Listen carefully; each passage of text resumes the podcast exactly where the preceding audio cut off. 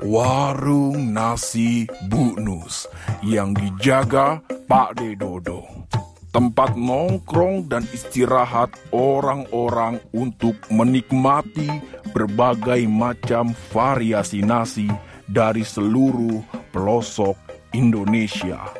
Termasuk dua orang anak muda pelanggan tetap warung Bu Nus yang selalu datang untuk saling bercengkrama sambil menikmati masakan emak Nyus Bu Nus. Eh, salam mulu gue perasaan. Pade, kopi hitam satu ya. Siap Mas Encan.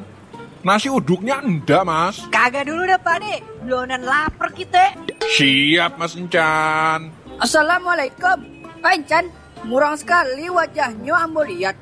Aduh apa rupanya? Bingung gue dah. Kenapa yang gue lakuin salah mulu di mata babenya cewek gue? Pan niatan gue baik dah. Mana udah kepalang cinta bener gitu ya sama anaknya. Eh, tak elok lah Waang ngomong kayak begitu. Kalau kemarin memanglah salah Waang. Waang keterlaluan. Masa orang masih sehat bugar? Waang kasih dia kembang orang mati. Murka lah dia. Ya bagaimana dah? Kita pikir yang namanya kembang mah sama baik. Nah, tapi nih hari beda lagi dah. Gua sampai bikinin puisi. Gue bacain malah depan rumahnya. Lantas? Bujuk buneng, diusir gue dah. Segala ditempel pakai bakiak lagi sama babenya. Onde mande. Kejamnya bapak pacar kau lah Chan. Cobalah Waang bacakan puisi Waang Chan.